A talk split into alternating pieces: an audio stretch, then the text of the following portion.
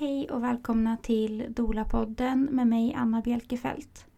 Innan ni ska få lyssna på dagens avsnitt så vill jag bara be er att stötta podden. Och det finns en hel del olika saker man kan göra för att göra det. Bland annat så kan man lyssna på avsnitten som du gör just nu. Man kan också likea podden där du lyssnar på poddar och följa podden.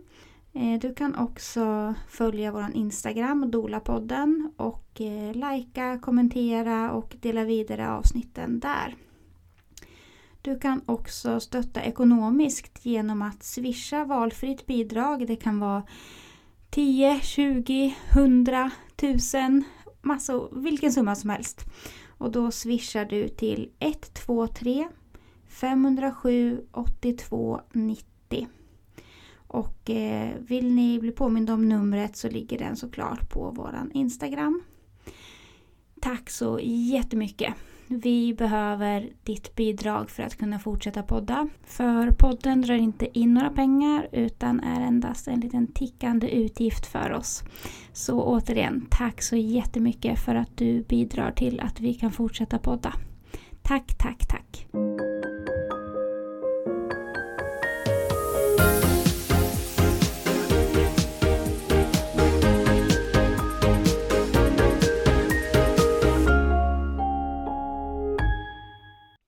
Välkommen till Dola-podden Erika. Tack så mycket. Vad kul att du är här. Tycker jag med. Så grymt att vi kunde få till. Eller hur? För du har åkt långväga.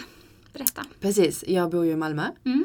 Uh, och vi har, jag har ju så haft span på dig länge. Mm. Eller er. Detsamma. um, och så blev det så att vi snackade och sa ska vi inte köra nu? Det kändes som att det så här, planeterna bara Exakt. Mm. hamnade i linje. Mm, Men så så, var det avstånds, avståndsproblematiken. Ja. Men så är jag här i Stockholm för jag har lite andra jobbgrejer och då uh, löste det sig. Perfekt. Så här är vi. Mm. Och vi har så galet mycket vi ska prata om. Mm, jag kan snacka i Eh. all oändlighet så du får också så här. Underbart. stopp. Nej, men det är, eh, det är alltid gästen som folk vill höra. Alltså jag babblar så mycket ändå så att det är verkligen gästen som folk är intresserade av. Så du behöver inte känna att du pratar för mycket. Eh, men jag är nyfiken och jag tror att de som lyssnar berättar vem du är och vad du sysslar med. Mm. Ehm, så jag är eh, en kvinna, mamma, fru. I senare 30-årsåldern, snart 40. Och jag eh, jobbade som sjuksköterska. Tyckte det var givande på ett själsligt plan. Och också teoretiskt och intellektuellt intressant och utmanande.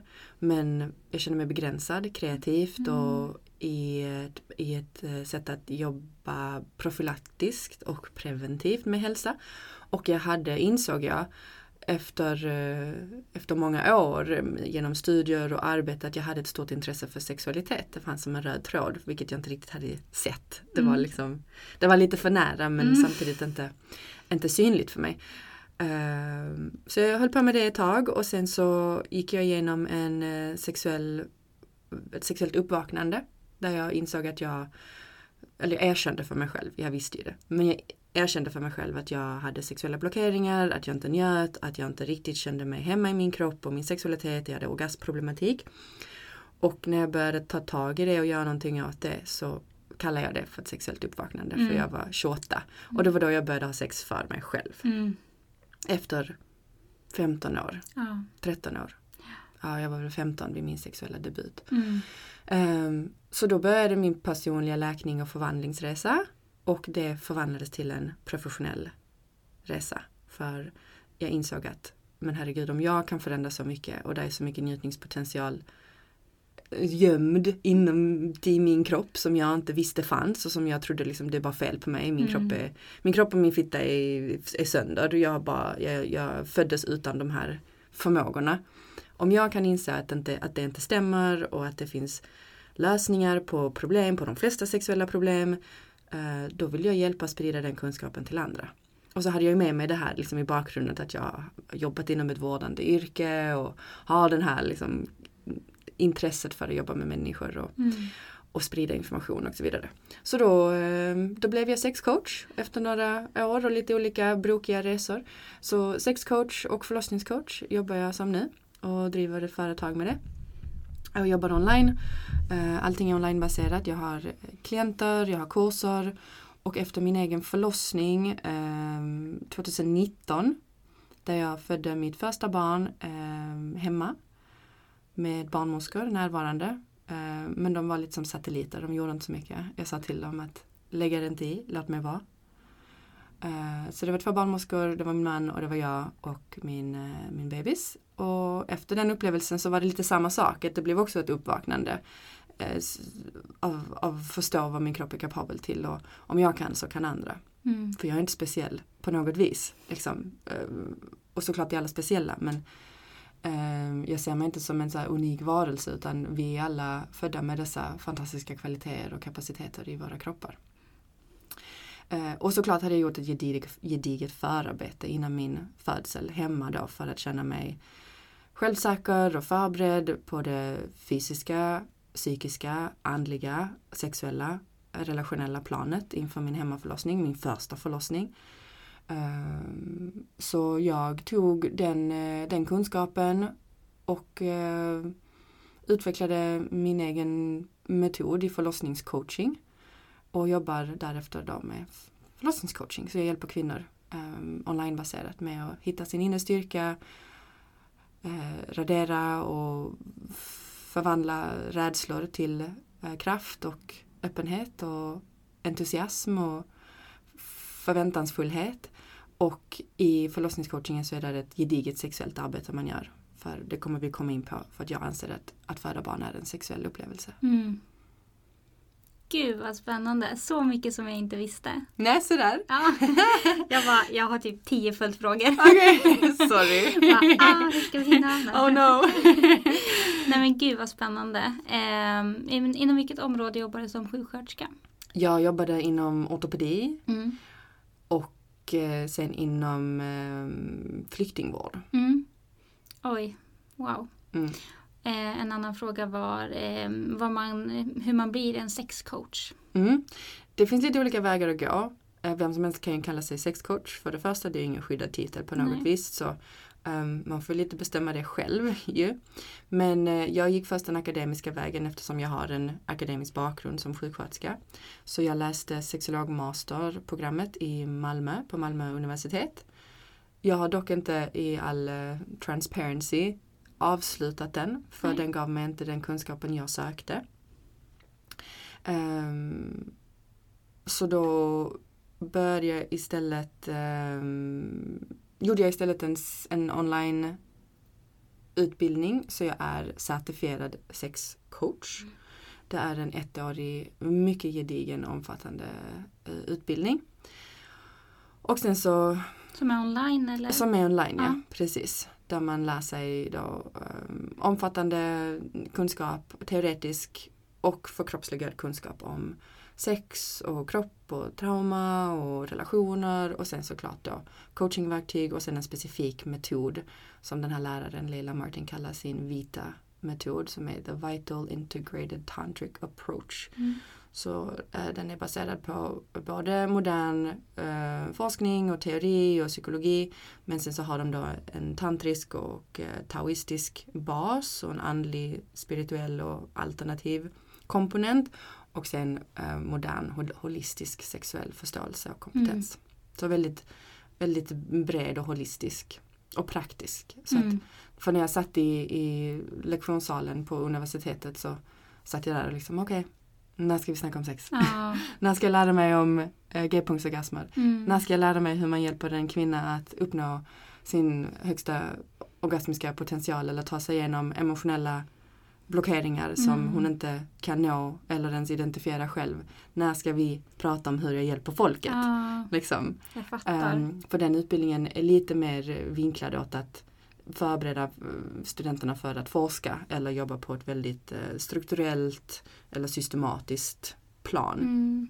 Och, där, och det var inte den vägen jag gick Nej. eller ville gå i min eh, karriär, karriärsutveckling. Så jag hittade verkligen hem i den här coachingutbildningen och den har gett mig eh, så himla mycket.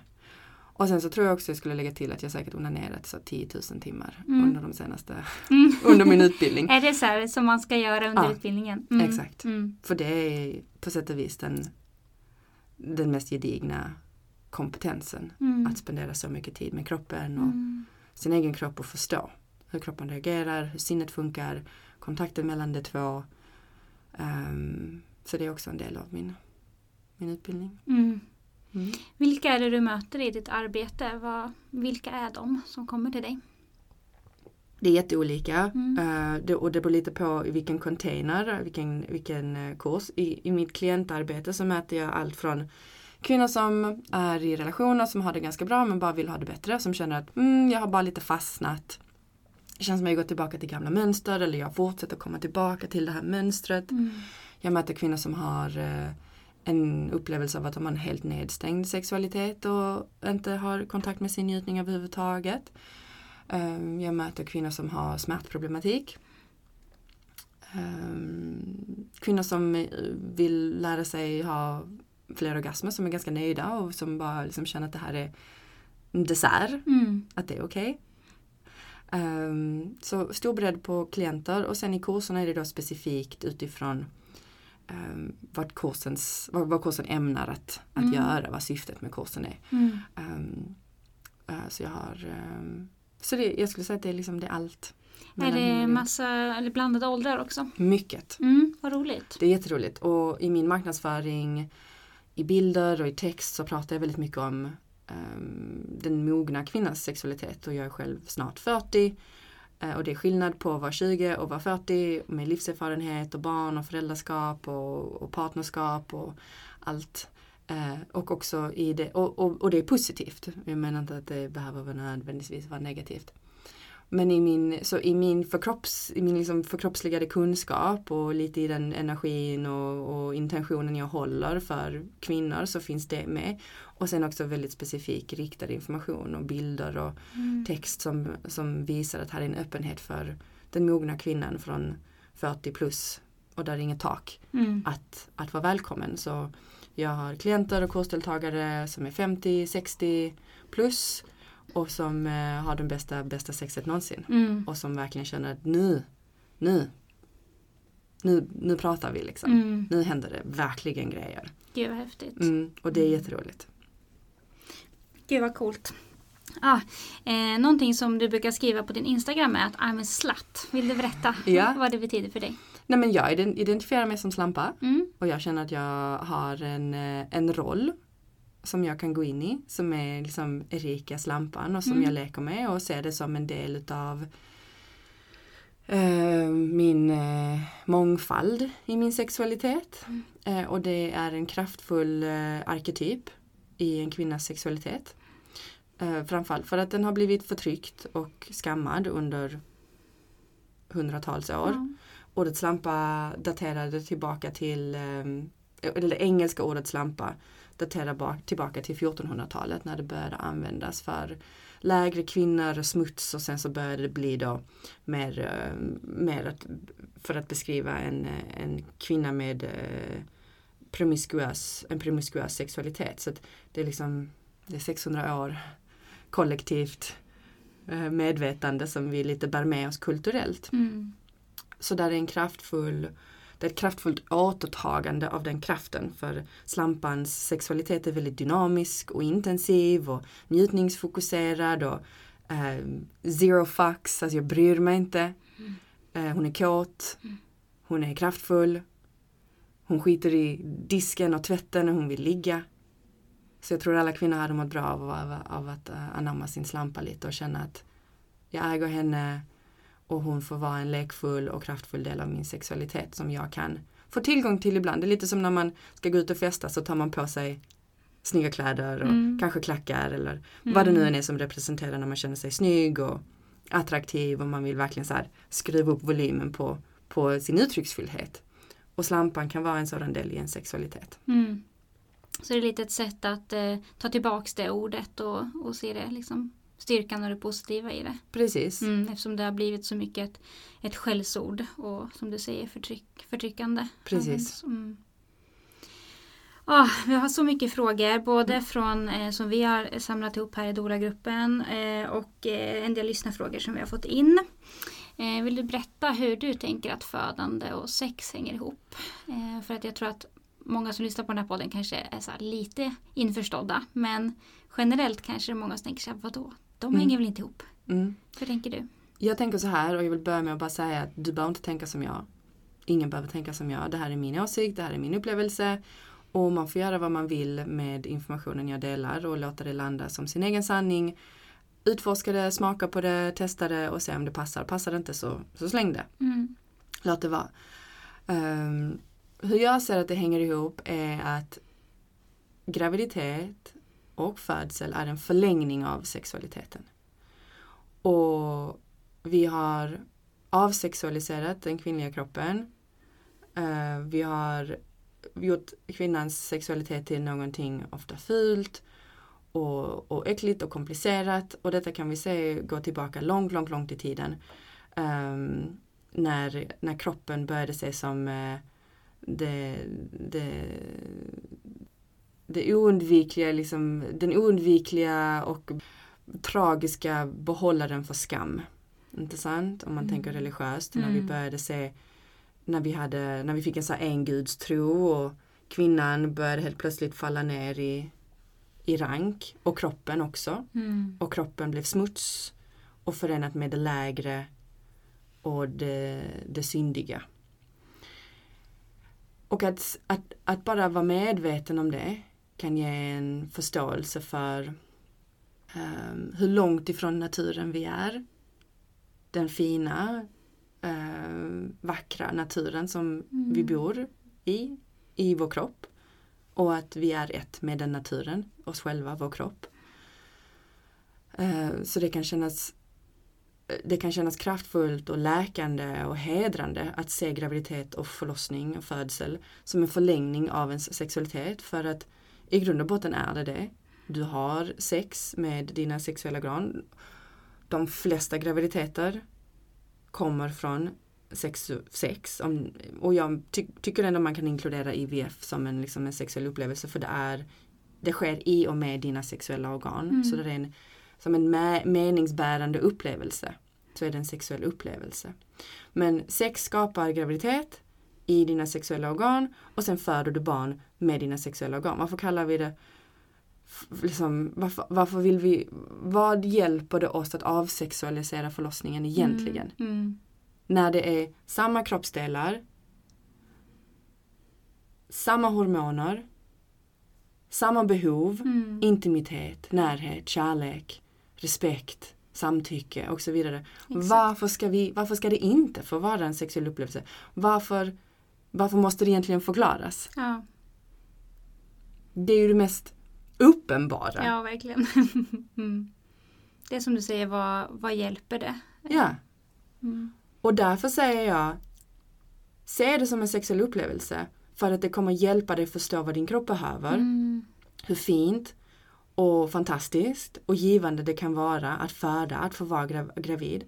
Men det hjälper också kvinnan och, och paret eh, att känna att en graviditet och en födsel och eh, skapandet av, av dig som mamma inte är en, eh, en alltså att, det innebär inte att avsäga sig sin sexualitet för där sker också en, en psykologisk split när vi helt plötsligt har avsexualiserat graviditeten och kroppen och, och underlivet och, och födseln.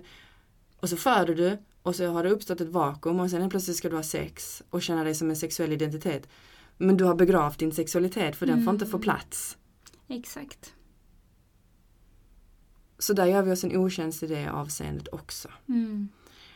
Ehm, så så ser jag på det. Varför tror du att eh, folk tycker att det är så, en del tycker att det är så märkligt att tänka att det är samma eller att man, man på något sätt blandar in barnet eller vad tror du att det handlar Jag om? tror det handlar om en puritansk idé som kommer från religion. Mm. Och det är lite där den här idén om att kroppen är smutsig och syndig. Det Mm. kommer ju från det här puritanska, religiösa. Helt klart. Mannen det andliga, det rena, det vita, det övre medvetandet, upp, upplyst, det upplysta, det är ju ovanför utanför kroppen hela tiden. Mm. Som inte hedrar köttet och blodet och mensen och kroppen och sexet och njutningen Mm. och kroppsvätskor alltid ses som lägre, dåligt, smutsigt, syndigt. Mm. Så om vi, om vi bär med oss det på en subtil kulturell plan, även fast vi sexual, sexualiserade i sekulariserade i Sverige, så finns det med. Ja. Ehm, och samtidigt så har vi medikaliserat födsel. Och ingen vårdpersonal vill ju veta av något liksom, sexuellt heller. Det vore ju sjukt olämpligt. Liksom. Mm. Jag är inte här för att liksom, vi ska pilla i dina könsorgan och in och ut och så men det får absolut inte vara en hedring av att detta faktiskt är intima sexuella delar i din kropp utan Nej. detta är medicin. Mm. Här ska vi in och rota medicinskt. Mm. Nu ska du knipa, nu ska du, nu ska, du vet, det är ingen, ingen koppling och förståelse till vad de här kroppsdelarna, de här upplevelserna faktiskt kan vara och innebära för oss på det själsliga, andliga och mänskliga planet. Mm. Där vår sexualitet är en kärna i vår mänskliga upplevelse, Mm. njutning. Ehm, så där tror jag det kommer ifrån.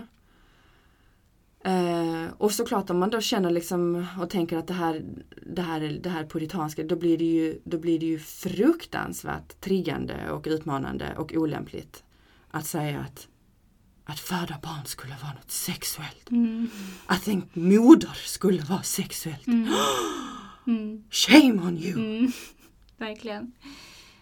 Alltså en bra poäng. Jag tror att eh, det ligger så djupt att man liksom inte har reflekterat över det. Ja, Inte ens ett varv liksom. Utan nej, Mm. precis. Mm. Och det som du säger, det är just det här att det är samma hormoner som, som arbetar i kroppen när man blir eh, liksom gravid och eh, när man ska föda. Mm. Det, är liksom, det vet vi ju. Det är liksom inget Ah, hittepå.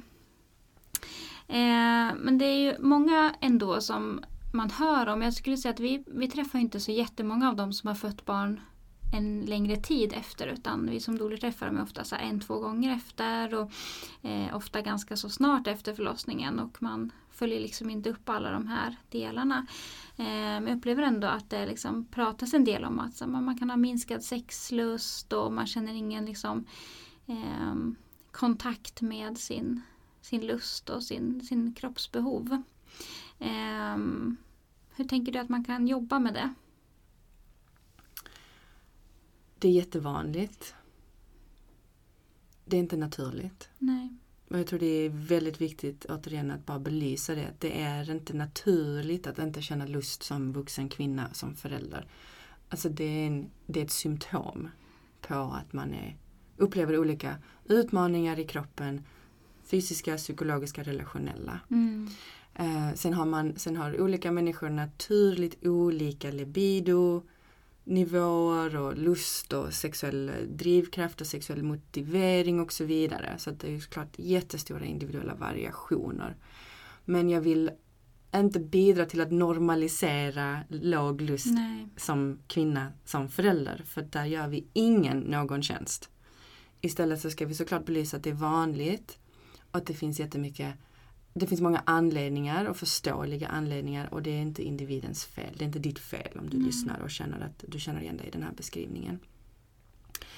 Ehm, så vad kan man göra?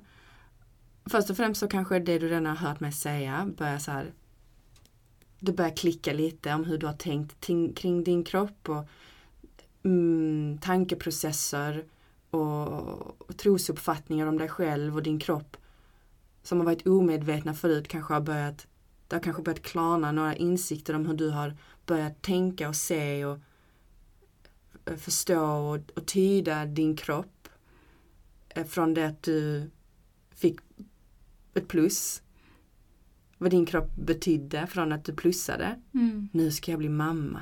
Nu är det dags att säga hej då till min slampighet och kåthet och nu är inte det där lämpligt längre. Och så vidare. Mm. Och, och många av de här sakerna är omedvetna. Det är saker vi bär med oss från generationer om man tror på det. Många från sina föräldrar och vad vi har sett i vår uppväxt om, och hur kvinno, eh, moderskapsrollen och Madonna hora-komplexet och alla det här liksom, hur, det, hur vi har matats med det väldigt Mm. mycket. Vad som är, vad är en bra mamma? Mm. Eh, Så sådana saker, så bara det här medvetande, medvetandegörandet i sin tankeprocess och förstå att för många säger men jag har inga issues. You're right. Mm. Vem ljuger för? Ja, Exakt, för Mm. oftast är det inte medvetet. Nej. Så det är en medvetande process som behöver gås igenom för att du kan inte ändra någonting som inte är medvetet. Nej. Alltså som du har medvetande gjort. Och sen vad man kan göra är, skulle jag säga, börja, börja söka njutning i ditt liv. Om det är att dricka en kopp te, låt det vara njut. Alltså, det kan vara att, att dansa, det kan vara att klappa din hund eller djur. Det kan vara att se på vackra ting, ehm, konst eller vackra människor eller dina barn. Vad som helst som ger dig njutning. Mm. ehm, bekräfta och, och betona den njutningen. Börja där. Du behöver inte börja med sexuell njutning.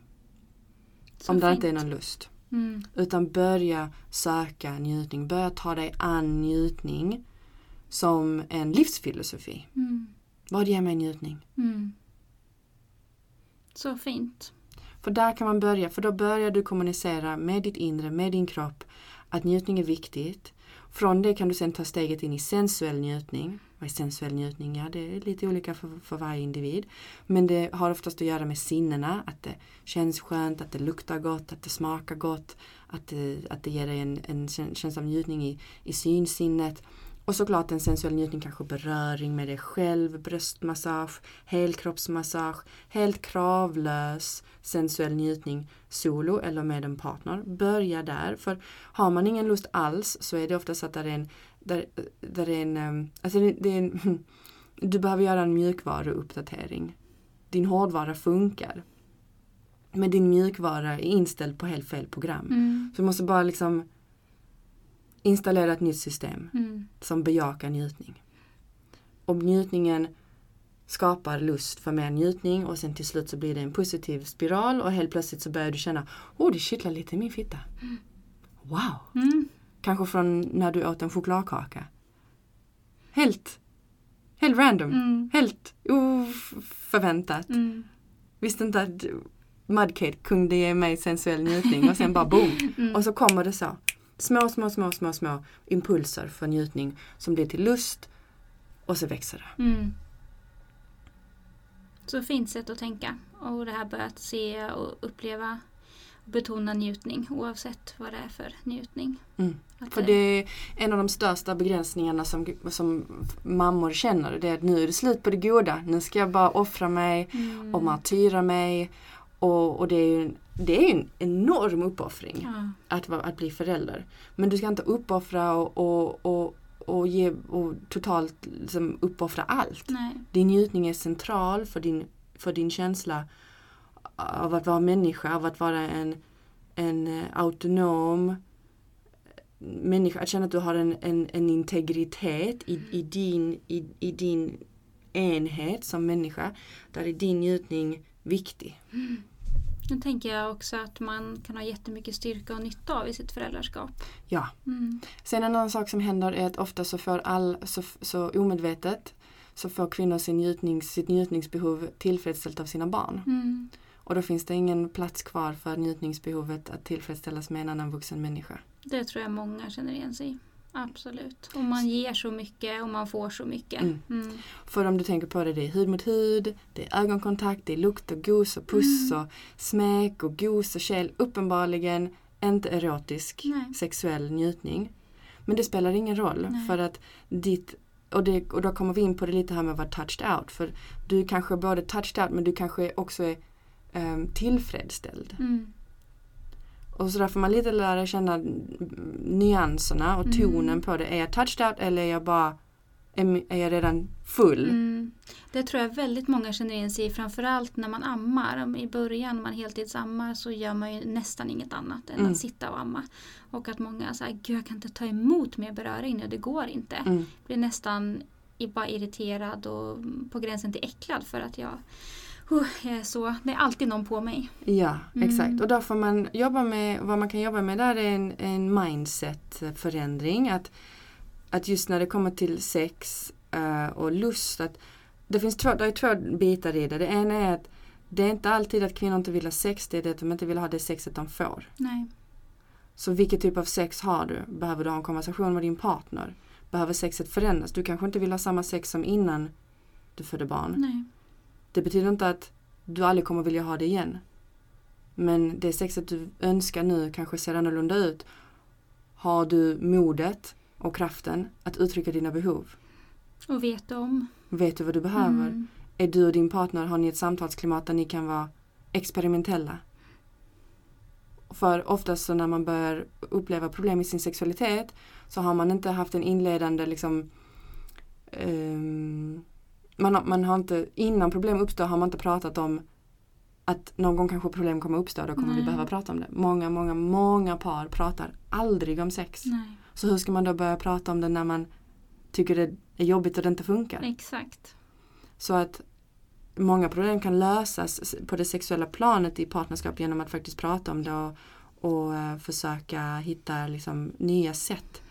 Du kanske behöver icke-penetrationssex, du kanske behöver eh, energisex, sensuellt sex, alltså bara sexuell intimitet. Mm. Men ofta så tänker vi, "Ja, men jag vill inte ha penis i fitta sex, liksom penetrationssex, så då vill jag inte ha sex alls. Nej. Man likställer det. Ja, Mm. då blir det väldigt svart eller vitt. Mm. Och då går man miste om alla de här väldigt fina, liksom, det fina, det fullständiga spektrumet av vad sexualitet kan vara, solo och med en partner. Mm. Så det är en grej. En annan grej är då att tänka på mindsetet att när du har sex med din partner eller lust och så vidare, att det är för dig. Du ska inte ge mer till någon annan, du ska få. Du ska få från din partner, du ska få njutning från henne och honom. Mm. Du ska få någonting som är för dig. Du ska få njutning. Du kanske bara behöver ligga stilla och öppna benen och bli slickad i 15 minuter. Och sen done. Mm. Bara ta emot. Bara ta emot. Mm. Kan du be om det? Kan Mm. ni prata om det? Kan du ens liksom, tänka, dig, tänka i de banorna? Eh, Så det, där är så många lösningar på de flesta problem. Mm.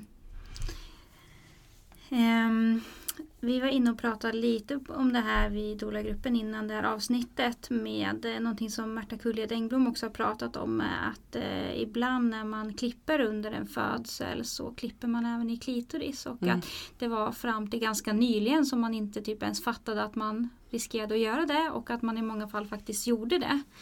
Eh, vill du berätta lite, tänker jag, först kanske mm, ja, men hur klitoris ser ut. Eh, För många kanske fortfarande tror att det är bara en liten kula Mm. som man kan titta på. Precis. Eh, Den, den externa delen av klitoris är ju verkligen toppen av isberget Mm. och sen så är den stora djupa strukturen av klitoris eh, mycket mer än vad vi kan se.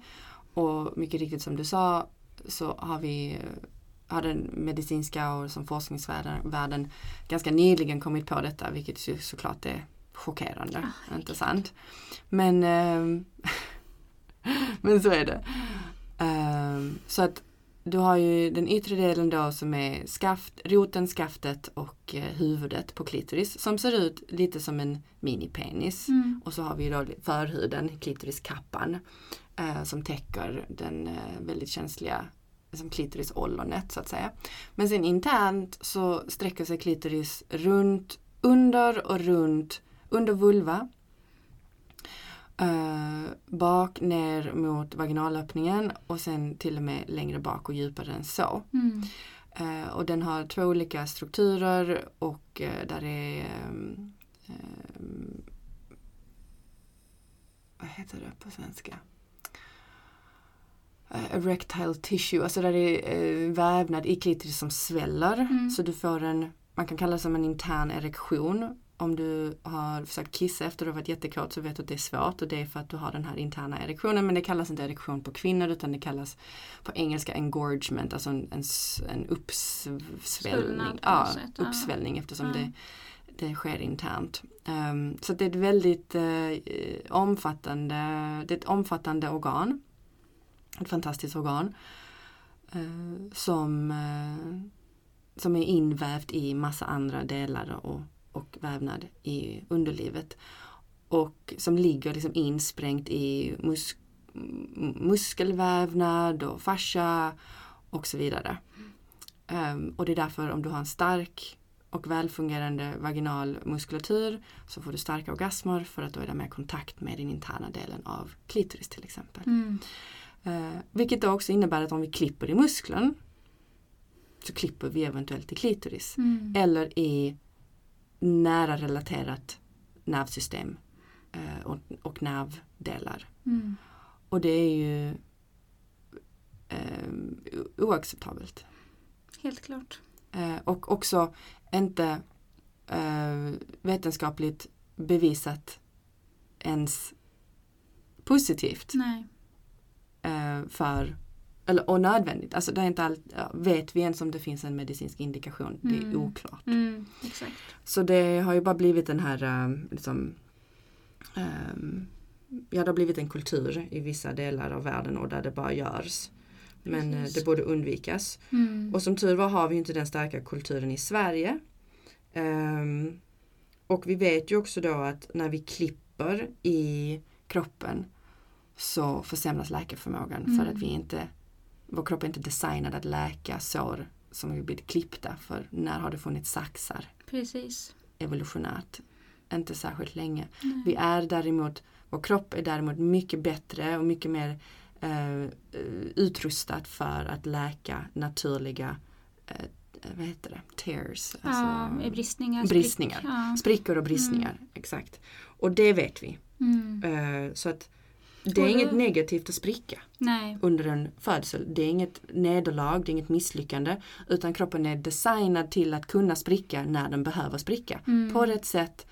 Ehm, och såklart ehm, inte sprickor som uppstår på grund av press och rädsla och, och Forcering. forcering och så vidare utan en, en ja, du förstår vad jag Ja, menar. Om mm. Du kanske kan uttrycka det bättre än mig. Nej, vad jag försöker säga om det, inte, är- om det inte är tydligt. Ja precis, när det är någon, eh, någon yttre liksom, press och indikation från, från personalen att man ska krysta forcerat till exempel. Ja, Eh, när man krystar spontant eller på egen impuls, de bristningar som uppstår då är oftast inte de stora och svåra. nej. När man har en bra position och eh, följer kroppen. Precis, och de kan Mm. vara, ske in i, i, i slidan och de kan ske i, i de yttre delarna. Mm. Eh, och de, eh, då, det är helt okej. liksom. Mm. Det är inget, din kropp är inte fel, felkonstruerad.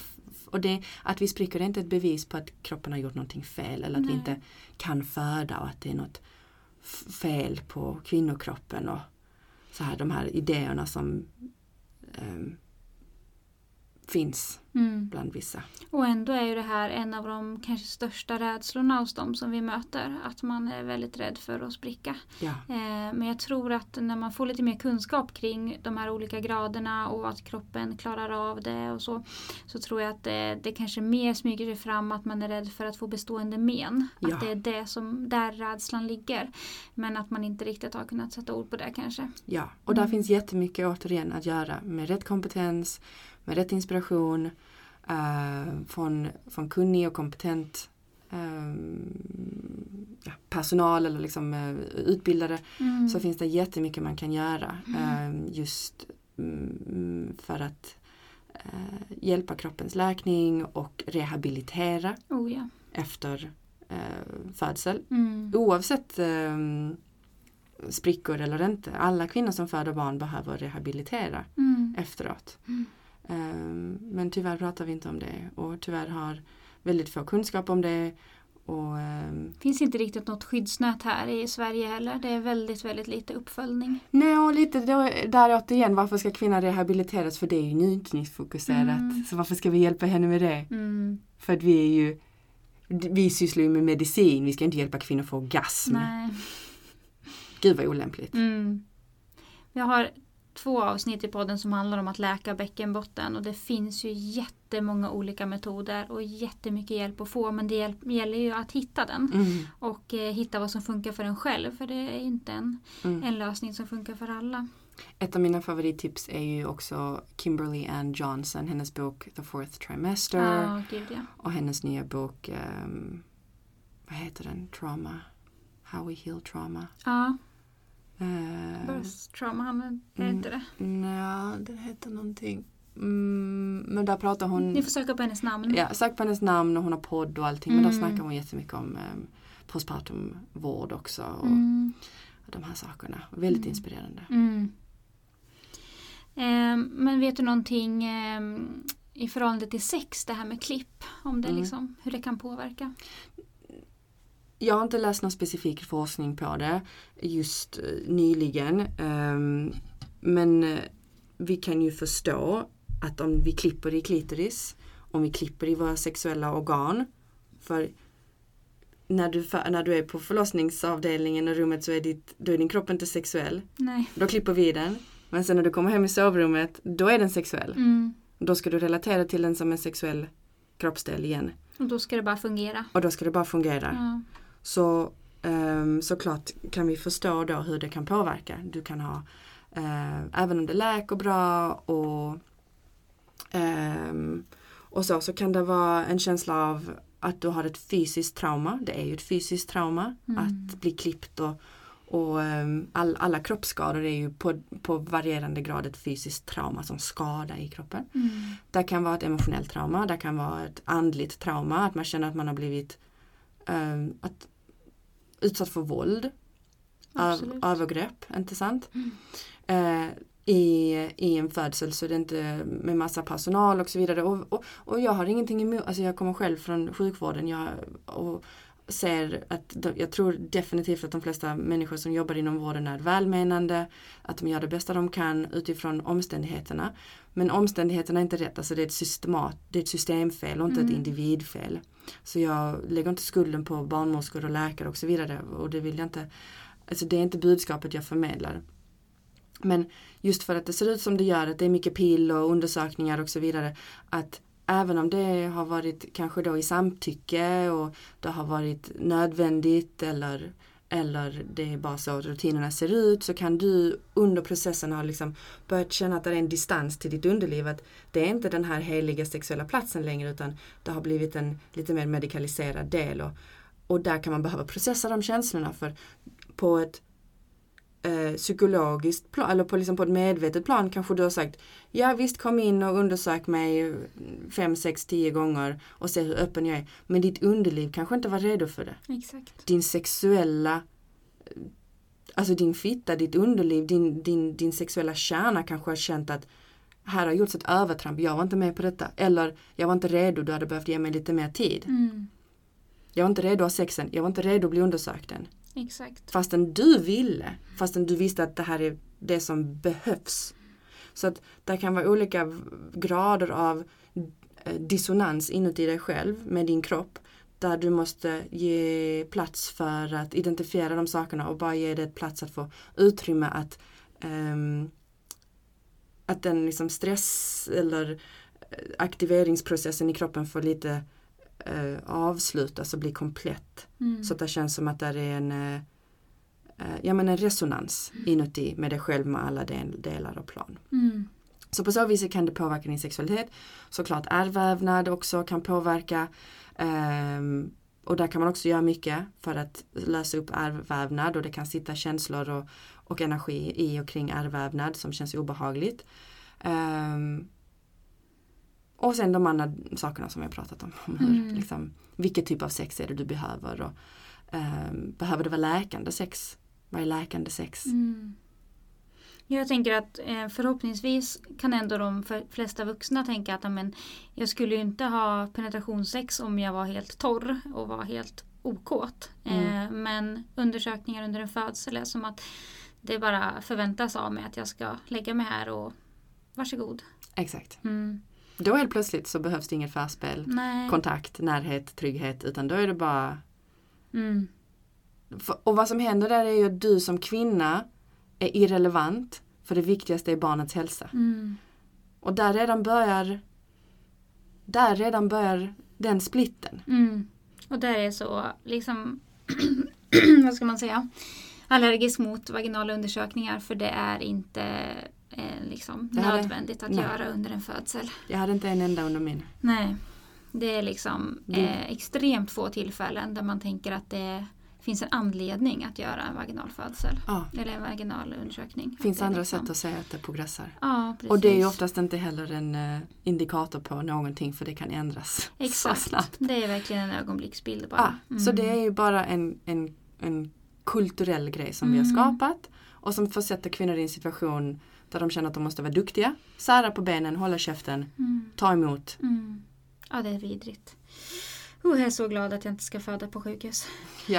Och också alla som lyssnar som ska föda på sjukhus, ha en dialog. Ja, exakt. Fråga, är detta verkligen, vad är indikationen? Och jag vet att det är jättesvårt och Mm. det är framförallt ännu svårare när du är i, en, i ditt födande Ja. för att din hjärna stänger ner och du ska inte vara högre, liksom, i det högre kognitiva och så Nej. vidare. Det är tufft som fan men skriv det i ditt förlossningsbrev, be din partner vara din, har du en man, låt han vara din krigare. Ja. Hans jobb är att skydda dig, det är hans jobb som man. Det, han går igång på det. Mm. Han, han instinktivt vill skydda dig och skydda sitt barn. Så aktivera hans inre Mm. känsla av att vara din krigare. Och läs på om det Och här med liksom. undersökningar. Ja, liksom. läs på. Ja. Och ha en... Eh, och stå på dig. Du är kunden, du betalar Ja, för vården. Exakt. Exakt. Ingen stoppar in sina händer i din fitta om inte du vill. Nej. Ingen sexuell partner, ingen vårdpersonal. Nej, Punkt. exakt. Verkligen. Om du vill, om du känner att jag vill veta, Mm. jag är nyfiken, detta är viktigt för mig. Mm. Känn in med ditt underliv, känn in i vaginalöppningen. Är jag redo för detta? Mm. Nej, stäng benen. Mm. Ja, öppna, okej, ta emot. Mm. Bjud in. Du ska bjuda in. Och känna att man har eh, kontakt och, med barnmorskan och eh, att man, man upplever att hon respekterar en och att hon kan invänta om man Ja. behöver andas några andetag. Och liksom. Exakt, Mm. exakt. Så viktigt. Ehm, men när vi pratar om det här med liksom, ehm, sex efter födseln så brukar vi oftast få rekommenderat att man ska vänta tills man har slutat blöda. Eh, och att man, man får ofta höra att man ska få godkänt från någon innan man får börja ha penetrationssex. Vad, tänk, vad är dina tankar kring det? Jag är lite rebell. Love it. Om ni inte har förstått det redan. Nej, men eh, eh, såklart är det ju en infektionsrisk eh, Mm. och där får man ju då se vad man själv har för riskaptit. Ehm, och eh, vad man önskar, hur mycket man blöder, vad man har för förlossning, hur det har gått. Ehm, om man tycker att det känns okej att ha sex med kondom till exempel och så vidare. Om man har en väldigt, väldigt, väldigt stark sexlust ehm, kanske man kan ha icke-penetrationssex givetvis. Eller bara liksom, ja, vulvastimulering, vaginalöppningsstimulering, såklart se till att handhygien är jättebra, korta naglar, liksom sprita händerna som att du har tagit i någonting jättesmutsigt, alltså så. Ehm, och, och, och så får du ju göra din egen bedömning där. Ehm, Men bra att du sa det här med att det finns så mycket andra grejer att göra. Att man Mm. är så fast fortfarande mm, vid att så här, sex är det här. mm, Ens bild kanske är begränsad. mm, verkligen. Mm. Jag tror det är det mest återkommande temat i, eh, i folks syn på sex. Att det är, man tänker bara kuk i fitta penetration sex. Mm. Det är liksom, det är sex. Vilket såklart totalt ehm, ehm, vad heter det? Vad är ordet jag letar efter? Ehm,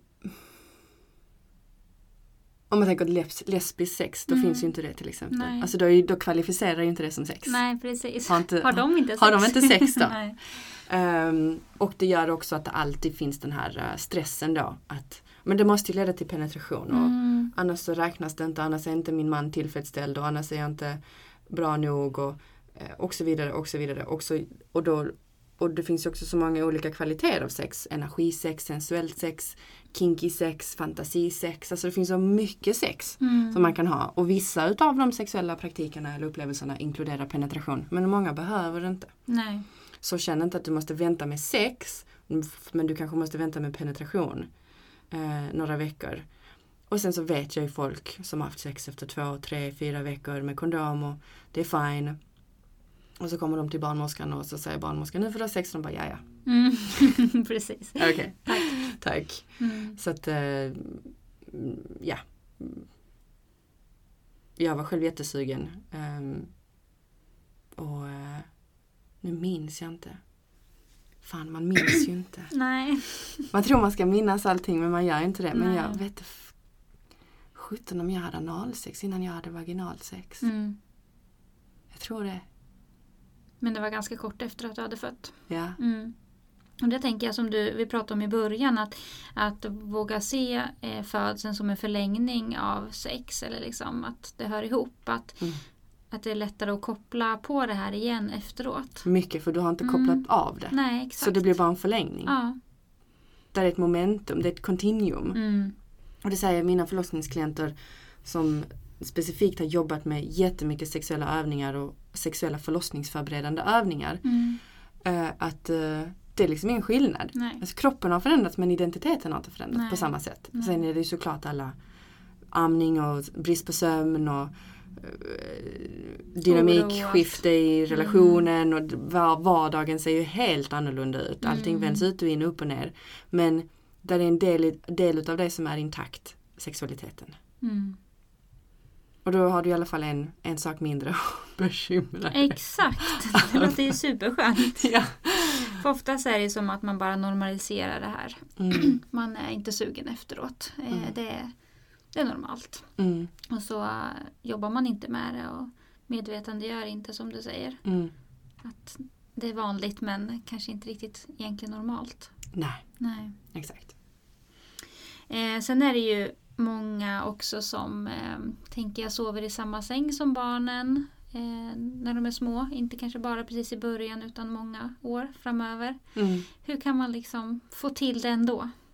Ha sex bredvid barnen. Mm, De sover. mm, De är glada om ni är glada. mm, Sex är en, ett uttryck för er kärlek och er ett, eh, ett band mm. som partners och föräldrar. Och ett sovande barn som är i närheten av den energin är inte någonting negativt. Nej, Återigen kommer vi tillbaka till det här puritanska, inte sant? exakt. Separera! Ja, De får inte, alltså visst det är ju inte bra. Vi vill ju inte att barn ska höra oss i vår extas Nej. kanske. Det känns ju olämpligt. mm, Men ett sovande barn som ligger i och vilar i frid. mm, Visst, i sin frid, i sin sömn. Som inte är medvetet. nej, Och mamma och pappa eller mamma, mamma, whatever. Som har sex bredvid.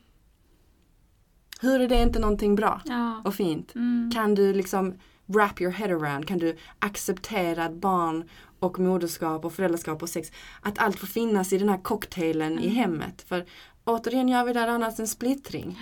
Och så säger vi också att det är äckligt, tänker jag. Äckligt ja, Ja. skam. Ja. Vad ligger under, vad, vad, vilken känsla ligger under äckel? Skam. Mm. Som är en väldigt jobbig känsla för många. Och som är den starkaste, en av de starkaste känslorna som blockerar sexuell lust och uttrycksfullhet. Mm.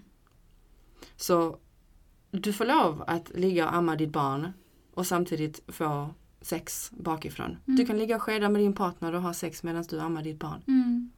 Det är en vacker upplevelse. Mm. Det är kärlek från alla håll och kanter, bokstavligt talat. Mm. Det är en sån djupt vacker och bondande upplevelse. Mm. Det känns som att grunden hela tiden är att hur vi ser på sex. Ja, Ja. exakt. Mm. Och, och sen igen, det här kanske inte är din smak. Det här kanske du inte vill. Du kanske, din sexuella identi- identitet kanske behöver lite mer space. Mm. Att, det, att du inte önskar att ha den upplevelsen.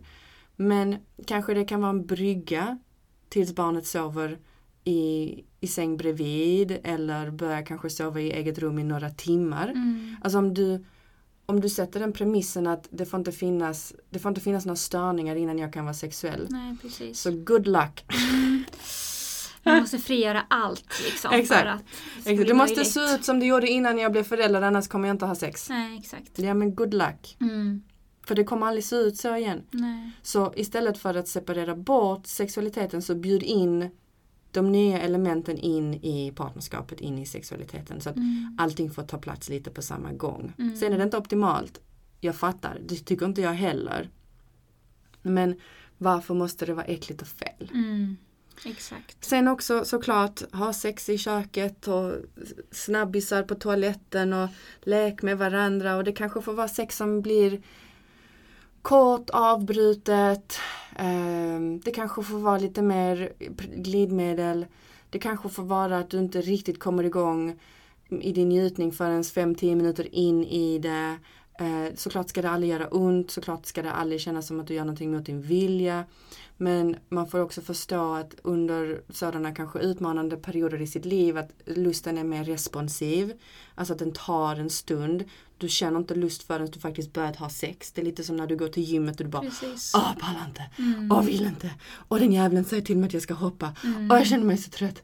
Åh, jag pallar inte. Varför gick jag hit? Jag hatar att gå till gymmet. Och så håller du på så i tio minuter. Och sen är det plötsligt så switchar Ja. någonting och du bara, oh, nu börjar det kännas bra. Mm. Nej men nu, nu kommer jag igång. Och så 50 minuter senare när passet är slut eller du har sprungit eller du har gjort det du ska göra på gymmet så går du därifrån och känner att så bra det var, så Mm. grym jag är. Jag är så stolt över mig själv. Ibland är det som med sex också. Mm, så du tänker att så länge man inte går över sina gränser så eh, kan det vara okej att börja ha sex även om man inte är kåt från början. Yes. Mm. Bra poäng. Vi ska nu prata lite om orgasmic birth också. Mm. Berätta, vad, vad associerar du det till? Extas. Mm. Jag gillar egentligen inte orgasmic birth. Alltså orgasm, ordet orgasmic i detta eh, kontext så mycket. För att det ger en bild av att jag ska få en orgasm och, och de flesta människors upplevelse av en orgasm är en 5-10 sekunders upplevelse. På höjden av en sexuell upplevelse som är målet i sig. Alltså att, um, och det är inte min förståelse utav orgasmic birthing. Det var inte min upplevelse av att ha en orgasmic birth. Um, och det reducerar upplevelsen av orgasmic birth till den här så här, ja men vadå ska jag ha, ska jag ligga där och onanera och få en fem sekunders klitorisorgasm? Mm. Precis när barnet kommer ut. Mm. Alltså så här, no, så är det inte. Utan jag tycker bättre om att använda ordet ecstatic birth för att det ger oss lite mer, ehm, inte för att avsexualisera det, men för att se det som i extas så ryms mycket mer. Mm. Du kan, få, du kan uppleva extas genom att springa, genom att dansa, genom att skratta, eh, genom att köra bil snabbt, eh, genom att eh, rida. Alltså det, Mm. det är ett flow state där du känner att tanken är tyst och liksom lite nedstängd och du känner en upprymdhet, en expansion, mycket kraft, intensitet. Um, alltså det är extas, Total närvaro kanske. total närvaro och Mm. samtidigt ett, ett, ett, eh, icke, alltså man är inte i kontroll. Nej. Eh, Det är ecstatic birthing. Mm. Och det är också orgasmic birthing. Mm. Alltså, men extas ger lite mer ehm, jag tycker mer en, en mer korrekt representation av Ja. upplevelsen än orgasmic birth. Det blir lite mer tillåtande på något sätt eller lite Ja, bredare kanske. men man kan också kalla det orgasmic birthing. ehm, och vad det är, är just den upplevelsen. Mm. Att, eh, att, att, föd, att uppleva födseln som en transcendent upplevelse. Med eller utan smärta, jag skulle säga med smärta för de flesta. För smärtan är en portal till att förstå vem du är. Mm. Och hur, vad, hur, mycket du, hur mycket mer du är kapabel till än vad du trodde. Och genom smärtan så kan du gå in djupare i meditation och hitta extas i smärtan. Eh, det, är inte, eh, det, är inte ett, eh, det är inte ett under att i, i liksom många spirituella praktiker så jobbar man med smärtan som en portal för att överkomma sina mentala begränsningar och hitta upplysning och frihet i kroppen. Alltså smärta gör dig fri Mm. om du accepterar smärtan. Och, och där, det är samma sak i, eh, i, i födseln att smärtan är inte någonting vi ska undvika. Smärtan Nej. är någonting vi ska välkomna och det kan vara bryggan, det kan vara tröskeln du tar dig över för att komma in i din djupare kraft Mm. och i extas. Mm. Eh, Så det är för mig vad eh, orgasmic birth är. Det är att föda i närvaro, i, i, i kraft, fri från rädsla eh, och låta födseln vara någonting som tar dig till en annan plats. Ett parallellt universum inuti dig själv Mm. där det känns som att du är en, en annan varelse och där du är kapabel till att göra saker och du är ett med din kropp. Och du kan få orgasmisk njutning, det är fullt möjligt. Um, men, men orgasmic birthing är inte reducerad eller bara eh, likställd med den orgasmiska njutningen. Nej. Det finns kvinnor som får g-punktsorgasmer i utdrivningsskedet för att barnets huvud är i princip en jättestor dildo i, Mm. din, i, din, i din slida. Mm. Eh, och, och stimulerar kroppens njutningsreceptorer i, i den vaginala kanalen. Men det kan också vara en, en or, or, orgasmisk upplevelse på det andliga, själsliga, eh, mänskliga planet. Mm. Så både och. Mm. Både och. Det är många som pratar om det här och eh, även eh, hypnobirthing att båda de grejerna kan vara ganska svårt att vad ska man säga, få till om man föder på sjukhus. Hur tänker du att man kan skapa förutsättningar där för att få uppleva det här fast man kanske blir ganska mycket störd och så. Ja, alltså mitt tips är alltid att tänka på födsel som, en sex, som sex. Och sen eh, tänk på vad du hade behövt om du skulle ha sex på, på eh, sjukhuset. Exakt.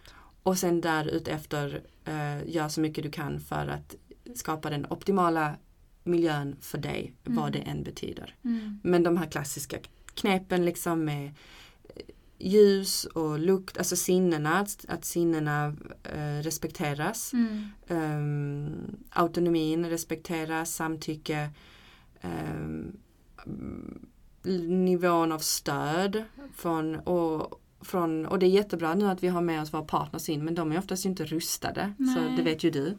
Liksom vad en doula kan göra eller en, um, um, en erfaren person som kan hjälpa dig komma in i det här tillståndet som du behöver komma in i. Mm. Skydda dig från eh, störningar och, eh,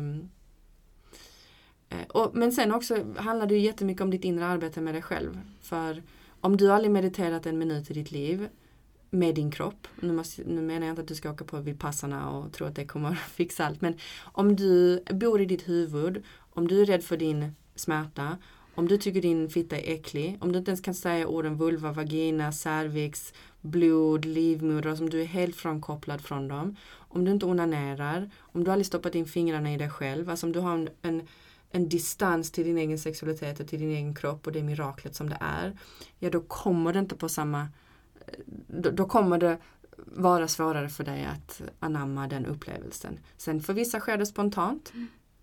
Eh, och de behöver inte göra så mycket och det kan vara slumpen, turen eller den, deras kropp bara så wow, Mm. är redo. Ehm, och det finns ju också upplevelser där kvinnor upplevt um, våldtäkt och fått orgasm. Så Mm. kroppen är kapabel till att uppleva orgasm i olika situationer som är helt irrelevanta till Mm. njutning. Ehm, men om du vet att du vill så mycket som möjligt ha den här fysiologiska extasen och uppleva den fina upplevelsen som den kan vara. Om en sjukt utmanande, visst. Då, då kan du förbereda dig på, på några av de sätten som jag har Mm. nämnt precis. Mm. Så bra. Ehm, några andra frågor som vi har. Eh, vi tar lite lyssnarfrågor nu då. Mm. Ehm, varför inom parentes och sen är sex innan och i början på födseln gynnsamt för förloppet? Mm. Ö, återigen för att det är samma hormoner. Mm. Uh, och där är ju frågan då vilket typ av sex. Det kanske inte behöver vara penetrationssex. Det kanske är smek, gos, hångel, eh, stimulans, massage av brösten, smek av vulva, klitoris, njutning. Alltså man kan använda njutning som oxytocinhöjande, som avslappnande, vilande, betryggande, förkroppsligande, närvarande, höjande. Mm. Eh, energi- Smärtlindrande. smärtlindrande, Mm. energipåfyllande. Mm. Alltså massa olika sätt att använda njutningen som ett komplement i, i ehm, arbetet du gör med din kropp. Eller din kroppen gör. Ehm, jag Uh, True story, jag sög av min man eh, när min förlossning hade, när min födsel hade börjat. Uh, och jag hade bestämt mig för det innan för jag ville göra det som en ritual för kontakten mellan hals och cervix. Den kontakten är på sätt och vis um, neurologiskt bekräftad att det är en neurologisk kontakt mellan hals och cervix men framförallt handlar det för mig om den spirituella eller andliga slash meningsbärande kopplingen eh, mellan cervix och cervixhals. Mm. Um, så jag hade redan, min förlossning satte igång jag började få verkar vid 11 på dagen, på 10-11 på morgonen och sen så gjorde jag massa annat och var i total uh, denial att det var på riktigt. Jag tänkte att nej, detta kommer klinga av. Uh, så jag gjorde massa annat och sen så när jag kom hem på eftermiddagen så visade det sig att det var min kropp menade allvar. Jag var okej. Okay. Uh, och då sa jag till min man, vi måste ha sex för jag vill ha sex en sista gång som icke-föräldrar. Mm. Och att vi också hade snackat om att vi ville göra det som en ritual för what gets the baby in, gets the baby out och det kändes Mm. liksom som full circle och väldigt fint och så. Och då hade jag sagt till honom att jag ville suga av honom eh, djupt i halsen för att kontakta min cervix och be henne öppna sig och Mm. lite så. Och jag gör sådana här flummiga grejer hela tiden så det är inget konstigt för mig. Eh, Men för den som lyssnar som bara what the fuck snackar hon om så är det här liksom vardagsmat. eh, Med inre kontakt och kommunikation och meningsbärande och att mina olika kroppsdelar har eh, medvetenhet om röst och så vidare. Mm. Vilket de har, alla har det. Mm. Men jag sög av honom och det tog två minuter, sen Mm. släppte min slempropp. Mm. Slumpen? Perhaps. Mm. We don't know. We don't know. Men det spelar ingen roll. Nej, Vi behöver inte veta. nej, exakt. För det var värdefullt för mig. Mm. Så man kan ge sex en, en ritualistisk mening och känna liksom att och vi vet att det är en placeboeffekt. Mm. Inte sant? Och Exakt. placebo är ju vetenskapligt bevisat att funka. Så Mm. perhaps, jo, förmodligen. Mm. Exakt. Mm. Eh, så då förstår man lite mer eh, kring hur det kan vara gynnsamt och som vi nämnde det här med hormoner och att det är liksom Precis. avslappnande. Och Precis. överhuvudtaget tänker jag njutning som vi har varit inne Ah. på. Att, eh, Och det är just det här liksom att, att få sitta och humma och chanta och mm. låta och vila och liksom att, att föda är faktiskt ett njutningstillstånd. Mm. Det kan faktiskt vara ett njutningstillstånd att se Mm. det som det. Och den, den, ehm, den kortvariga smärtsamma slash intensiva upplevelsen du får vid varje våg det är, det är um, vad är ordet jag letar efter? Alltså det, det, är, det är inte ett avbrott men det är en det är ett undantag från njutningstillståndet du befinner dig i överlag. Mm. Istället för att se det som att att föda barn är horribelt smärtsamt och vi måste göra det lite njutningsfullt. Mm. Så kan man se det som att att föda barn är en djupt tillfredsställande upplevelse på många olika plan och där det är små undantag som är intensiva och smärtsamma. Mm. Det är en radikalt annorlunda sätt att se på det och det Verkligen. skulle jag be alla att tänka på Mm. eh, några gånger extra. Mm. Vad du har för eh, tankebana och, och, och trosuppfattning Mm. om vad föda barn är. Mm. Och det jobbade jag jättemycket med innan. Mm. Att mata min hjärna med de tankarna. Mm. Programmera om, låter det som. Yes. Yes. En annan fråga som vi har fått är ehm, Har kejsarfödselmammor bättre sexliv? Vet du? Jag vet inte utifrån statistik. Ehm, jag vet inte om- faktiskt om det finns sådan, eh, sådan forskning gjord. Eh, det, ehm, det är ju en eh, ganska vanlig tanke, i, framförallt i vissa kulturer där vi ser att kejsarförlossningar går upp väldigt mycket. Och eh, vi vet ju att det ibland beror på att det är en convenience för läkare. Att ja, men då lägger jag den på fredag så slipper jag jobba på helgen. Mm. Och sen vet vi också att det har kommit upp en, eh, en önskan bland kvinnor att föda med kejsarsnitt för att undvika klyddet Mm. med att föda barn vaginalt. Och ibland är det kanske då en under ehm, ja, en önskan som ligger under det att det inte ska påverka sexlivet. Ehm, men jag skulle säga att den största anledningen till att mammor inte har bra sexliv efter förlossning, födsel handlar inte om vilken typ av förlossning utan det handlar om alla om de här psykologiska bitarna och relationella bitarna och kulturella bitarna som vi har pratat om. Inte om den faktiska fysiska upplevelsen. Det är inte så många som upplever så mycket eh, vaginala komplikationer som direkt leder till dåligt sexliv. Och också hade vi haft rehabiliteringen eh, så, eh, så kan ditt sexliv bli bättre. Jag har jag upplevde och jag vet andra som har upplevt detta så det handlar inte om att jag är någon så unik kvinna och någon, någon, någon, liksom någon jävla gudinna utan mitt sexliv har blivit bättre. Mm. Jag upplevde att det var en, någon form av förändring i mitt underliv, i min, i min vagina som skedde genom födsel som har gjort att jag känner mer, att min fitta är mer omslutande. Jag har bättre, starkare g-punktsorgasmer. Jag sprutar mycket mer än jag gjorde innan, alltså ejakulationsorgasmer. Eh, så det är nästan som att, att, att, att föda barn förändrade min, mitt, mina sexuella organ till det positiva. Sen har jag också upplevt inkontinens så det har varit jobbigt men det kan ju folk uppleva ändå Mm. även om man inte har fött barn och även genom kejsarfödsel. Eh, och jag vet andra kvinnor som säger det också att ehm, det känns bättre. Mm. Och Absolut. med, eh, med rätt rehabilitering och stöd så, så är en vaginal förlossning absolut inte på något sätt ett eh, recept för dåligt sex eller dåligt underliv. Liksom. Nej.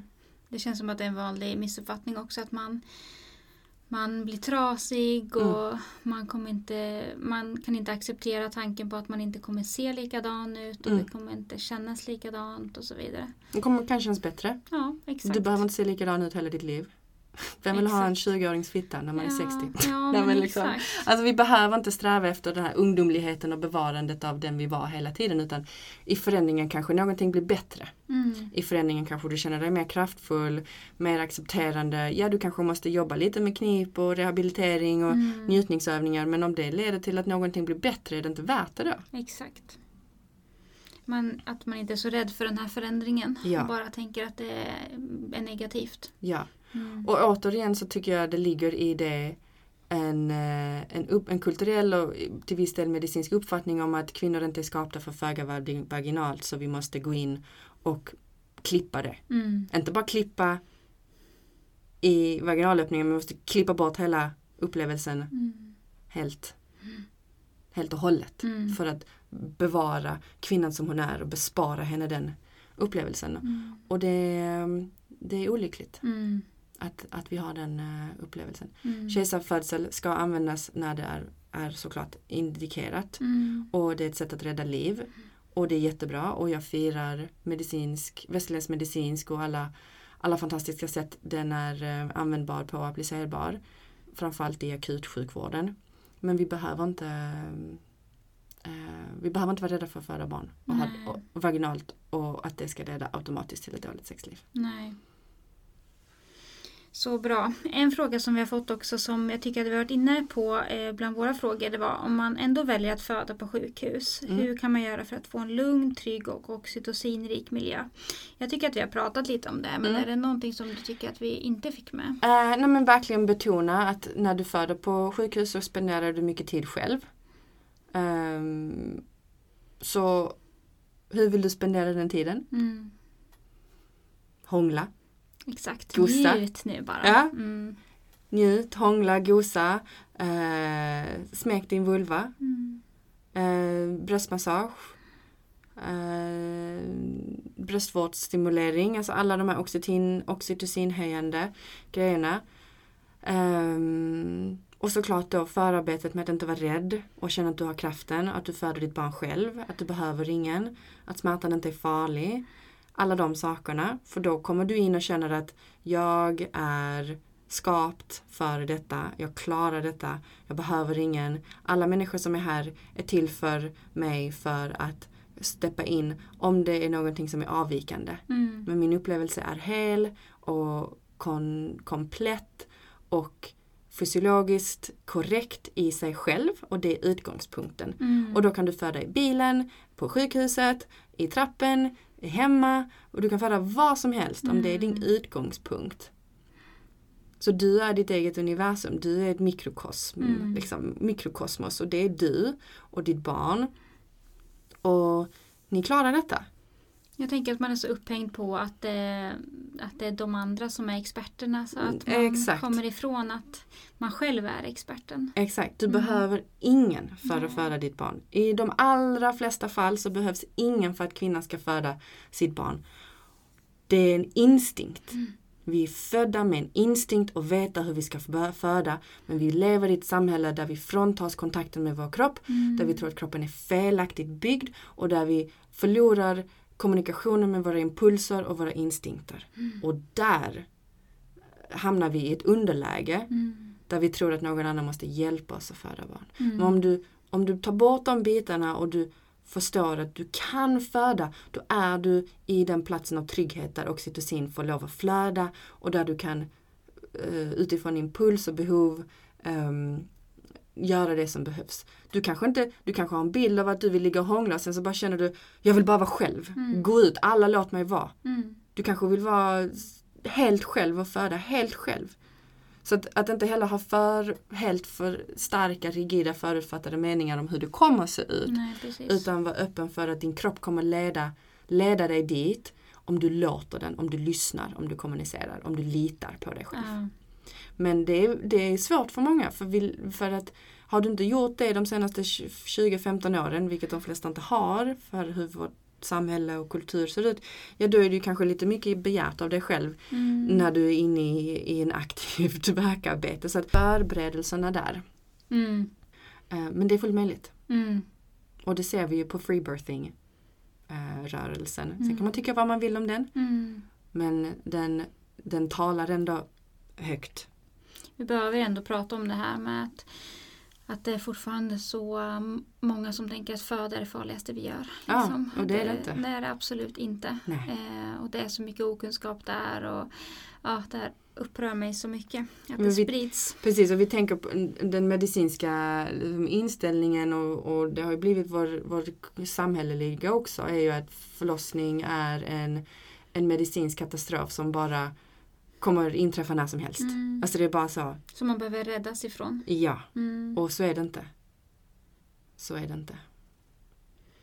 Ehm, är det något annat Erika som du tycker att vi skulle kunna prata om just nu eller som du tycker att, som du vill säga? Mm, nej men återigen vill jag betona att jag respekterar verkligen vårdpersonalens ens, liksom, avsikt och deras arbete och att jag tycker det är ett sys- systemfel i hur, hur uh, mödravård och förlossningsvård ser ut. Och teoretiskt är mm, eh, mödravård, eller förlossningsvården i Sverige liksom bra men i praktiken så blir det oftast fel. Ehm, och det vet vi ju att barnmorskor säger och där är ju en Mm. enorm det är en enorm källa till frustration och utmattning och sorg bland vårdpersonal. Och det vet jag själv som sjuksköterska att jag vet vad jag borde göra, jag vet vad jag vill göra men jag kan inte för jag har inte rätt förutsättningar. Eh, jag vet att, ja, jag behöver inte exempel. Och, så det vill jag bara betona igen. Och därför är det så viktigt och stärkande för varje individ som ska föda att känna att jag är jag är kapabel till att göra detta utan någon som helst och de är bara statister och liksom Mm. de, är, de är extra personal. Mm. Jag är central i min upplevelse. Mm. Och allt det här om sexualitet och njutning som vi har snackat om som man inte kan snacka tillräckligt mycket om. Ehm, och, eh, och jag tror också, sist av allt så vill jag bara förmedla så otroligt mycket hopp och glädje kring att, att, att vara kvinna är Alltså du vann Mm. lotteriet, det är inte en förbannelse. Det är bäst att vara kvinna. Mm. Och de, och de som är födda som män, det är bäst för dem att vara män. Alltså, det är en fantastisk gåva att vara kvinna och att få föda barn. Det är inte en förbannelse. Det är inte det värsta som finns. Eh, Det är inte slutet på ditt liv och din sexuella hälsa och din njutning. Allt det där är bara saker som vi har lite fått om bakfoten. Och, och du kan göra det till din egen upplevelse och det kan vara det bästa du gjort i hela ditt liv. Mm. Även om det är utmanande. Men var inte rädd för utmaningen. Anamma den, ta dig an den och se det som en gåva. Som bryggan, portalen in i din allra djupaste kraft och Mm. självkännedom. Så sant. Ah, wow. Eh, va, hur ska vi kunna föra det här vidare? Typ, jag tänker så här, åh, vi skulle kunna ha föreläsningar och vi skulle kunna göra det här samarbetet och det här och det här och det här. Mm. Så himla spännande. Mm. Tack snälla Erika för att du ville komma. Tack så mycket. Och en sak till vill jag bara säga. Ja. Om du har haft en positiv födsel och förlossningsupplevelse, berätta det för folk. Säg det till dina systrar, säg det till dina väninnor, berätta det för kvinnor som är gravida. Prata om det, för ofta så, och jag har eh, själv känt så, jag har haft eh, förlossningsklienter som har känt så efter en fantastisk upplevelse att de känner lite skam och skuld och att de får inte prata om det för då är det synd om alla som har haft dåliga upplevelser. Mm. Men hur ska vi någonsin kunna hjälpa kvinnor att skifta det här narrativ, alltså diskursen vi har och den majoriteten av alla de här att allting blir så dåligt Mm. om vi inte får lov att prata om hur bra det är. Alltså, Mm. att jag sitter här och säger alla de här sakerna, ja det känns lite så, åh vad sitter jag och skryter men mm, nej, alltså vi Nej. måste prata om hur fantastiskt bra det kan vara för annars så ger vi inte mm, kvinnor möjligheten att faktiskt skapa en bild av att det är möjligt för dem. Så om du har haft en bra upplevelse, var stolt över den, var tacksam för den och prata gärna om det. Ja, verkligen, så sant. Och inte tänka på jante och skuld och Nej. skam och liksom, utan var stolt. Precis, för de som har haft en dålig upplevelse det är deras ansvar att läka den Ja. och processa den och ta hand om den. Och de, du gör inte deras upplevelse värre av att du berättar. De Nej. kanske blir inspirerade till att ha en bra upplevelse nästa gång. Ja, precis. Eller så får de bara göra liksom terapi och läkning Mm. och, ehm, och hitta sin inre frid med den Mm. upplevelsen de har haft. Och, och ehm, ja, så är det liksom. Och det Mm. önskar jag också alla som lyssnar på detta som kanske har haft en negativ upplevelse. eh, att du kan läka, du kan processa, du kan ta dig igenom det fysiska eller emotionella traumat som du har upplevt. Ehm, och du, du är värd det och du förtjänar det och det finns hjälp att få. Mm. Så bra slutord. Yay! We did it! Tack så jätte- jättemycket. Varsågod, tack själv.